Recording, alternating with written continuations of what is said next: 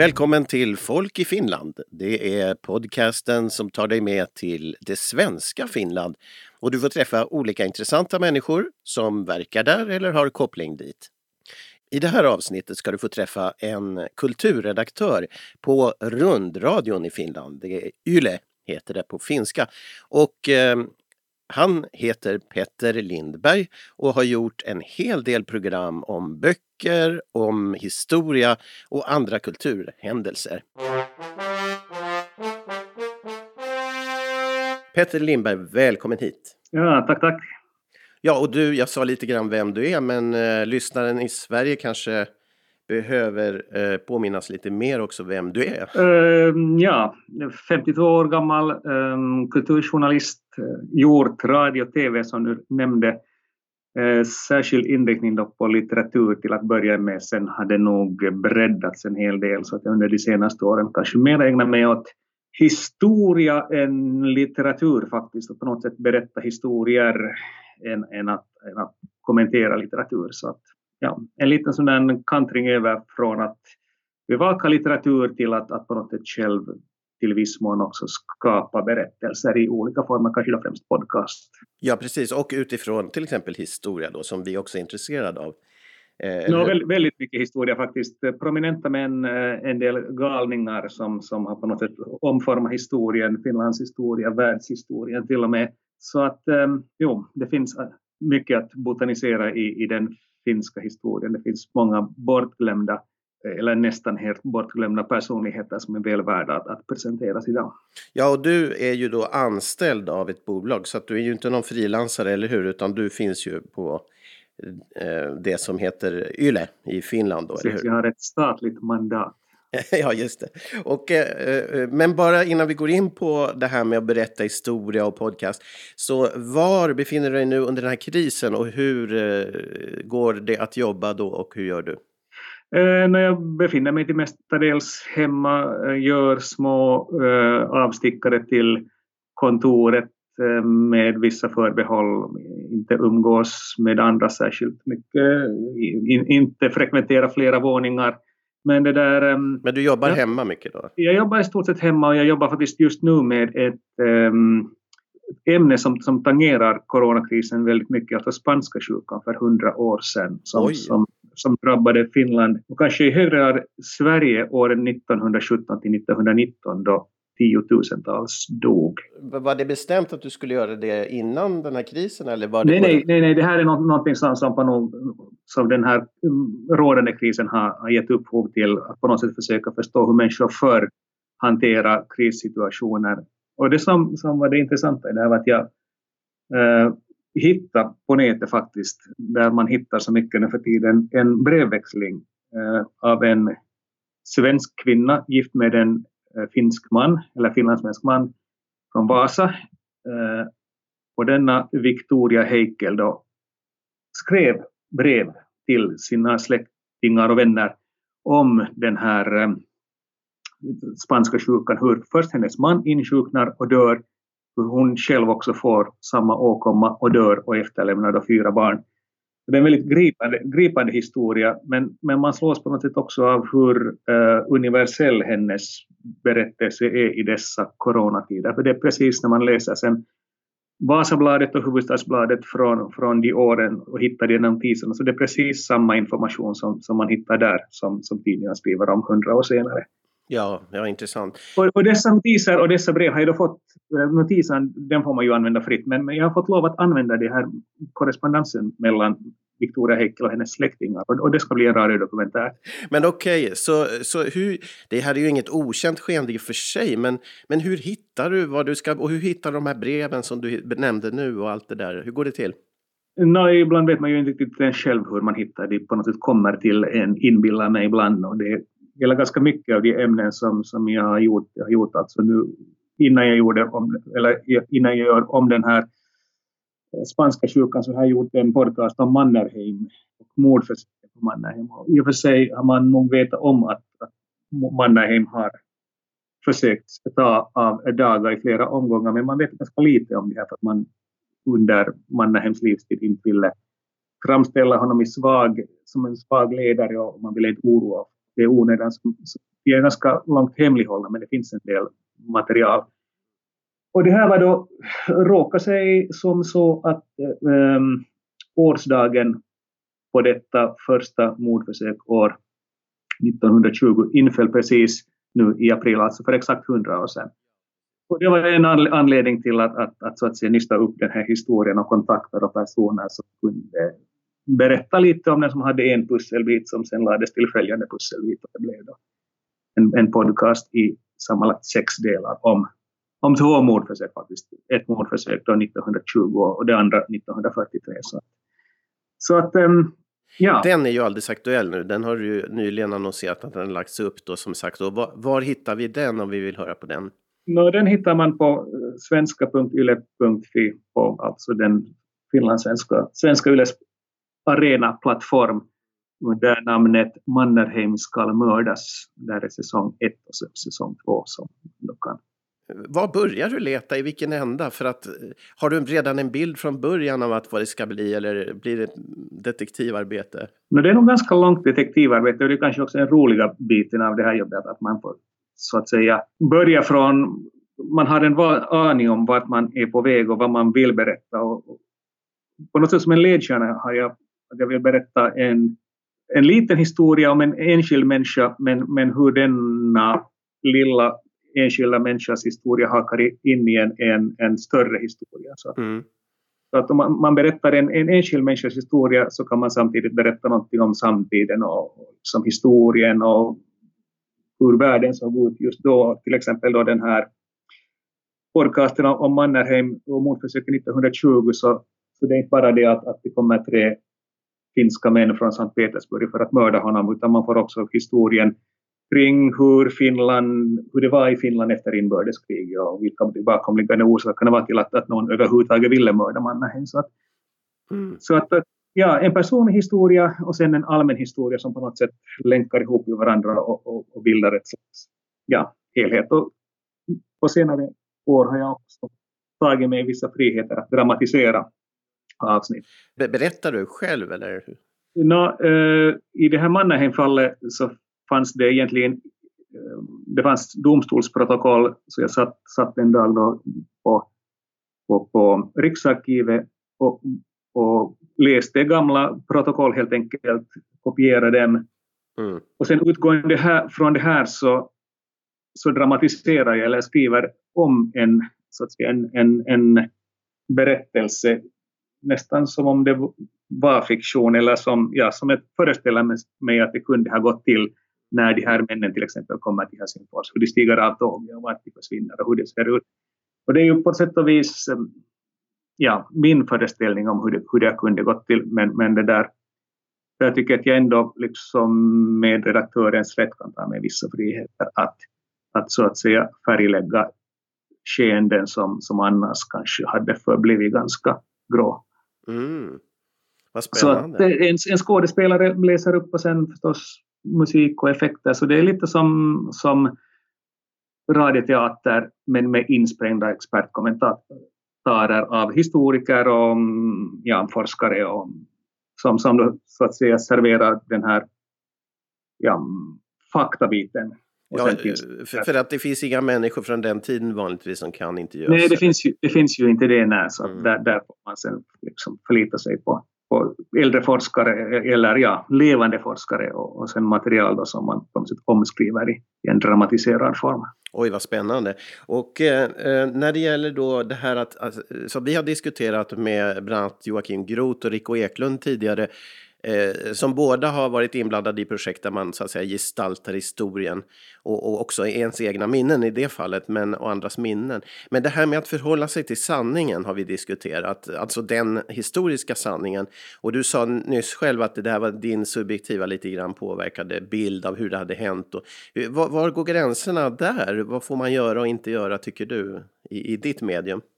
Eh, man får väl ställa sig den frågan vad som är rimligt helt enkelt. Mm. Vad kunde ha skett? Vad, vad är liksom helt out of the question? Mm. Och, och på något sätt, eh, jag kanske då istället för att överdriva eh, ändå tar de där så att säga säkra stegen. Att man har kanske vissa um, basfakta som, som, man, som, som liksom håller en på, på kartan och sen får man då...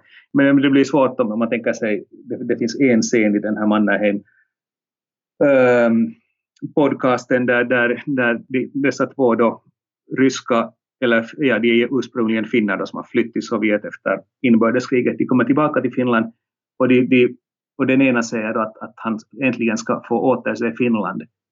Och det, det, det kan jag naturligtvis inte, inte veta att, att det var så, men, men jag föreställer mig att, att, att det kunde ha varit så, att det på något sätt ändå det berättar om honom och det berättar om hans situation och, och det att, att många av de här hade en längtan till Finland. Efter liksom 20 besvärliga år i Sovjet som, som inte var det paradis som, som många socialister på den tiden föreställde sig. Mm, Okej, okay. ja, det får en, det, det, du kan motivera det utifrån en, en upplevelse som blir ganska likt verkligheten så att säga. Ja, precis. Kanske en allmän, allmän upplevelse eller eh, ja, en, en liksom längtan som många bar på som, som man då kanske kan omskriva i en enskild persons längtan. Och då, då tycker jag att, att det ändå på något sätt är rimligt att låta denna man drömma om Finland.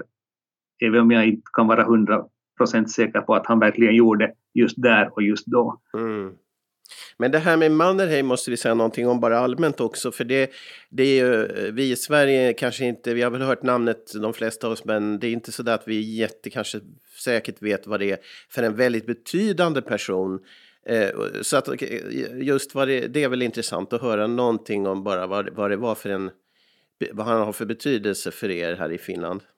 No, Mannerheim är ju en ganska mytisk gestalt, en ja, jag tror att han här för något år sedan valdes till den mest betydelsefulla finska eh, personen genom tiderna. Så det är han som har tagit oss genom olika krig, det är han som på något sätt har um, ja, lett oss genom kriserna. Mm. Och en ganska tidvis kontroversiell person, men, men nog en, en man som, som idag fortfarande högaktas. Och menar bara det att, att man då har planer på att göra storfilmer om, om denna man, så jag menar det ju Ja. Säger redan någonting om att, att han har en given plats i många finländares hjärtan fortfarande, fast han har nu varit, ja, han dog 1951, så att det här, så han har ju varit borta länge, men, mm. men det tog aktat, så jag menar, kom till Helsingfors så går du längs med Mannerheimvägen, det är liksom den centrala stråket i, i huvudstaden. Så. Som förut hette Henriksgatan ska jag Precis.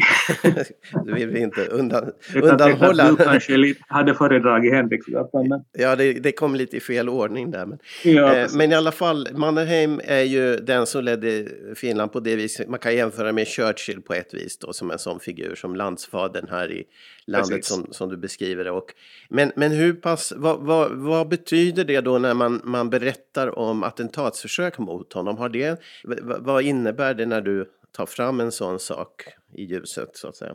No, egentligen, jag tror inte att, att det på, på det sättet känns lite längre. Snarare kanske det, kommentarerna var det att det där visste jag inte.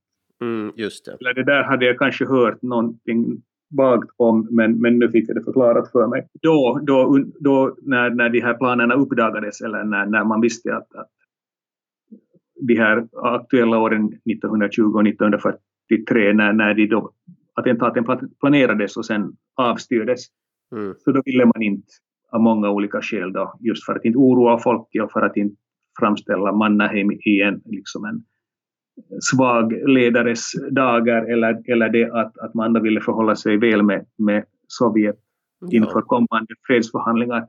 Och därför ville man inte liksom, ja, peka ut de här ryska attentatsmännen. Det, det fanns många olika anledningar till att, att, att det tystades ner. Ja, precis. Ja, intressant. Ett riktigt eh, detektivmysterium kan man kalla det och det kan du lyssna på. Jag vill lägga upp en länk på vår hemsida totalmedia.com där du hittar Folk i Finland podcast. Eh, du Peter, du har ju också skrivit böcker. Eh, är det stor skillnad på att skriva och att skapa berättelser? Jag menar, du skriver ju också de här berättelserna som är i podcasten, men är det, är det skillnad på de uttrycken för dig eller är det samma sak? Men nu är det, nu är det ganska länge sedan.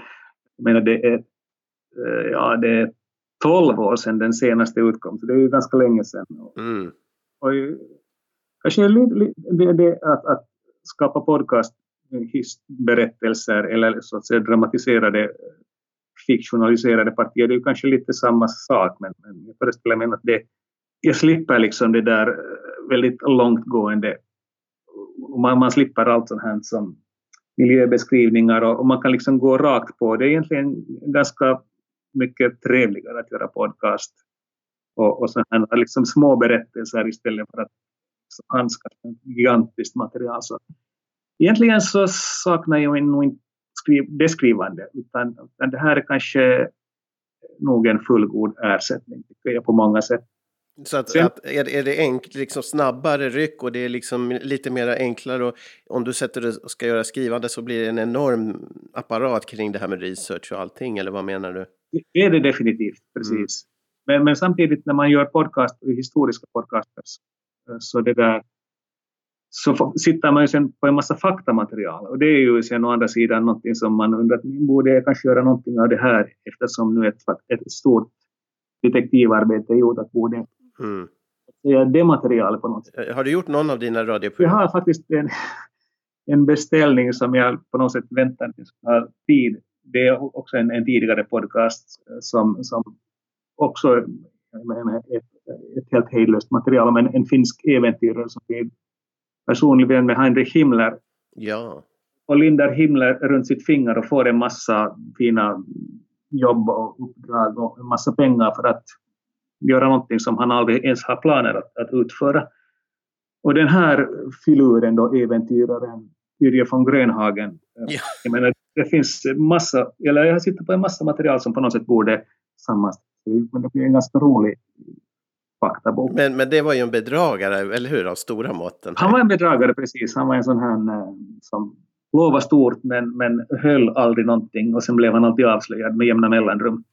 Men sen mm, gick han vidare och fick ett nytt jobb och med, med löften om att jo, jo, han ska nog fixa det här, men, men, men det, det blev liksom aldrig så. Men ett, ett otroligt intressant levnadsöde som, som börjar som, som um, stumfilmsstjärna, eller han påstår åtminstone att han var då stumfilmsstjärna i Paris på tidigt 30-tal, mm. eh, eh, och sen påbörjade han sin långa vandring då via Berlin mot Finland. Men, men det där... Otroligt. Men finns den att lyssna på också på den här platsen? Den finns också där på, på svenska. Det här. Den vita fyran heter den, Yrje von Grönhagen, den vita fyran. Ja, men vad uh, intressant. Och uh, vi ska säga någonting avslutningsvis om två saker. Det här med Sverige och Finland och finska och svenska och hela den biten och sen också var du befinner dig. För vi brukar alltid ta upp det, någon, någon ort eller någon, någon stadsdel eller någonting sånt. Men om vi börjar med det här med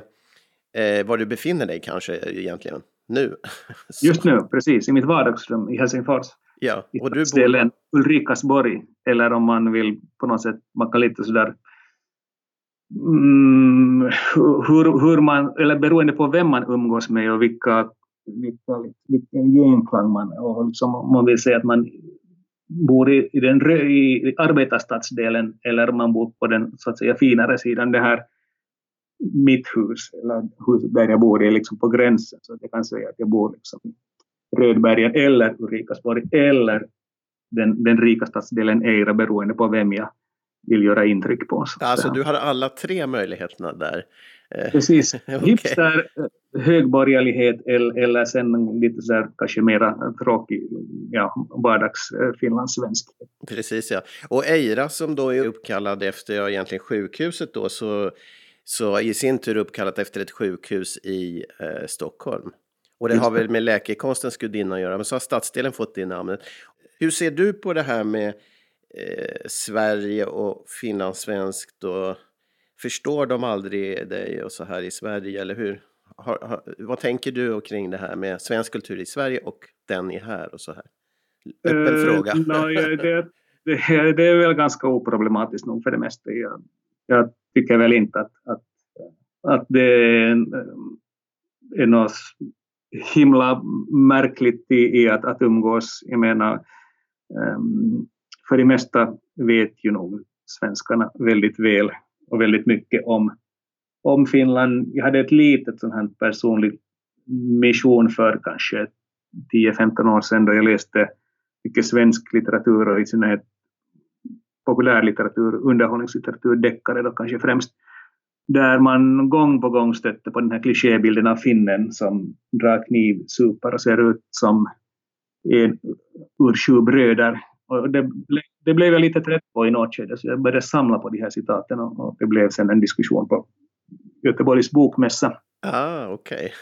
och så fick jag då en del lite, ja, en del konfunderade, en del lite sådär um, uh, till och med arga och sen var det några som var lite sådär um, ja, att jo visst, jag borde kanske lite nyansera bilden av finnen i mina böcker. Så det var många svenska författare som faktiskt hörde av sig. En del var skamsna och andra var rent ut sagt arga för att, jag menar, vem bryr sig nu egentligen om, om, om det är liksom den ente finnen som blir mördad, för så har det ju alltid varit. Men, men det här tyckte jag var något man då kunde diskutera och, och det gav, gav resultat faktiskt? Det gav faktiskt lite resultat. Det var en och annan eh, svensk författare som sen fick se en aha-upplevelse. Att, att kanske inte alla som är alkoholiserade och blir mördade nödvändigtvis måste vara finnar i svenska böcker. Just det. Ja, intressant. Men slutligen, eh, bobbor, är det ett ord som du brukar använda och kanske använder mer nu, eller? Bobbor? bobbor. Uh, det var länge sedan jag hörde det ordet, måste jag erkänna. Mm. Det borde det, ju vara aktuellt i dessa dagar. Det klingar kanske lite sådär, uh,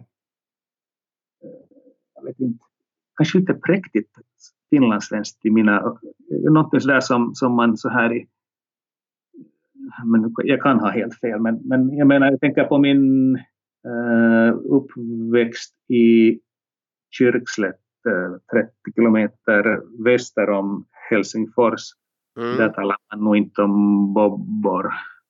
Så du menar lite centralt i stan här i Helsingfors? Ja, kanske, kanske det i vissa, vissa ja, bättre familjer. Så Men, går, det använder du bara när du går ut till, till vänster då, bort mot Eira och knappast om du går rakt upp eller? Ja, precis. Ja, om någon, någon, någon era tant kommer emot mig så kanske jag kan prata om bobbar. Ja, intressant. Det är ett ord som är faktiskt aktuellt. Det har med basiller att göra och vi har pratat om det i Kulturisterna och vi kommer också få höra Charlotta af Hellström Reijonen berättar om sin undersökning om bobbor och hur det används och vad hon tror om dess bakgrund som bland annat också kopplar till löss.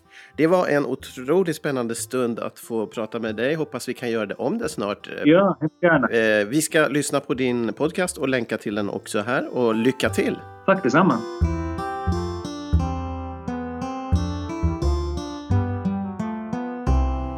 Du har lyssnat på Folk i Finland, podcasten som tar dig med till den svenskspråkiga delen av Finland.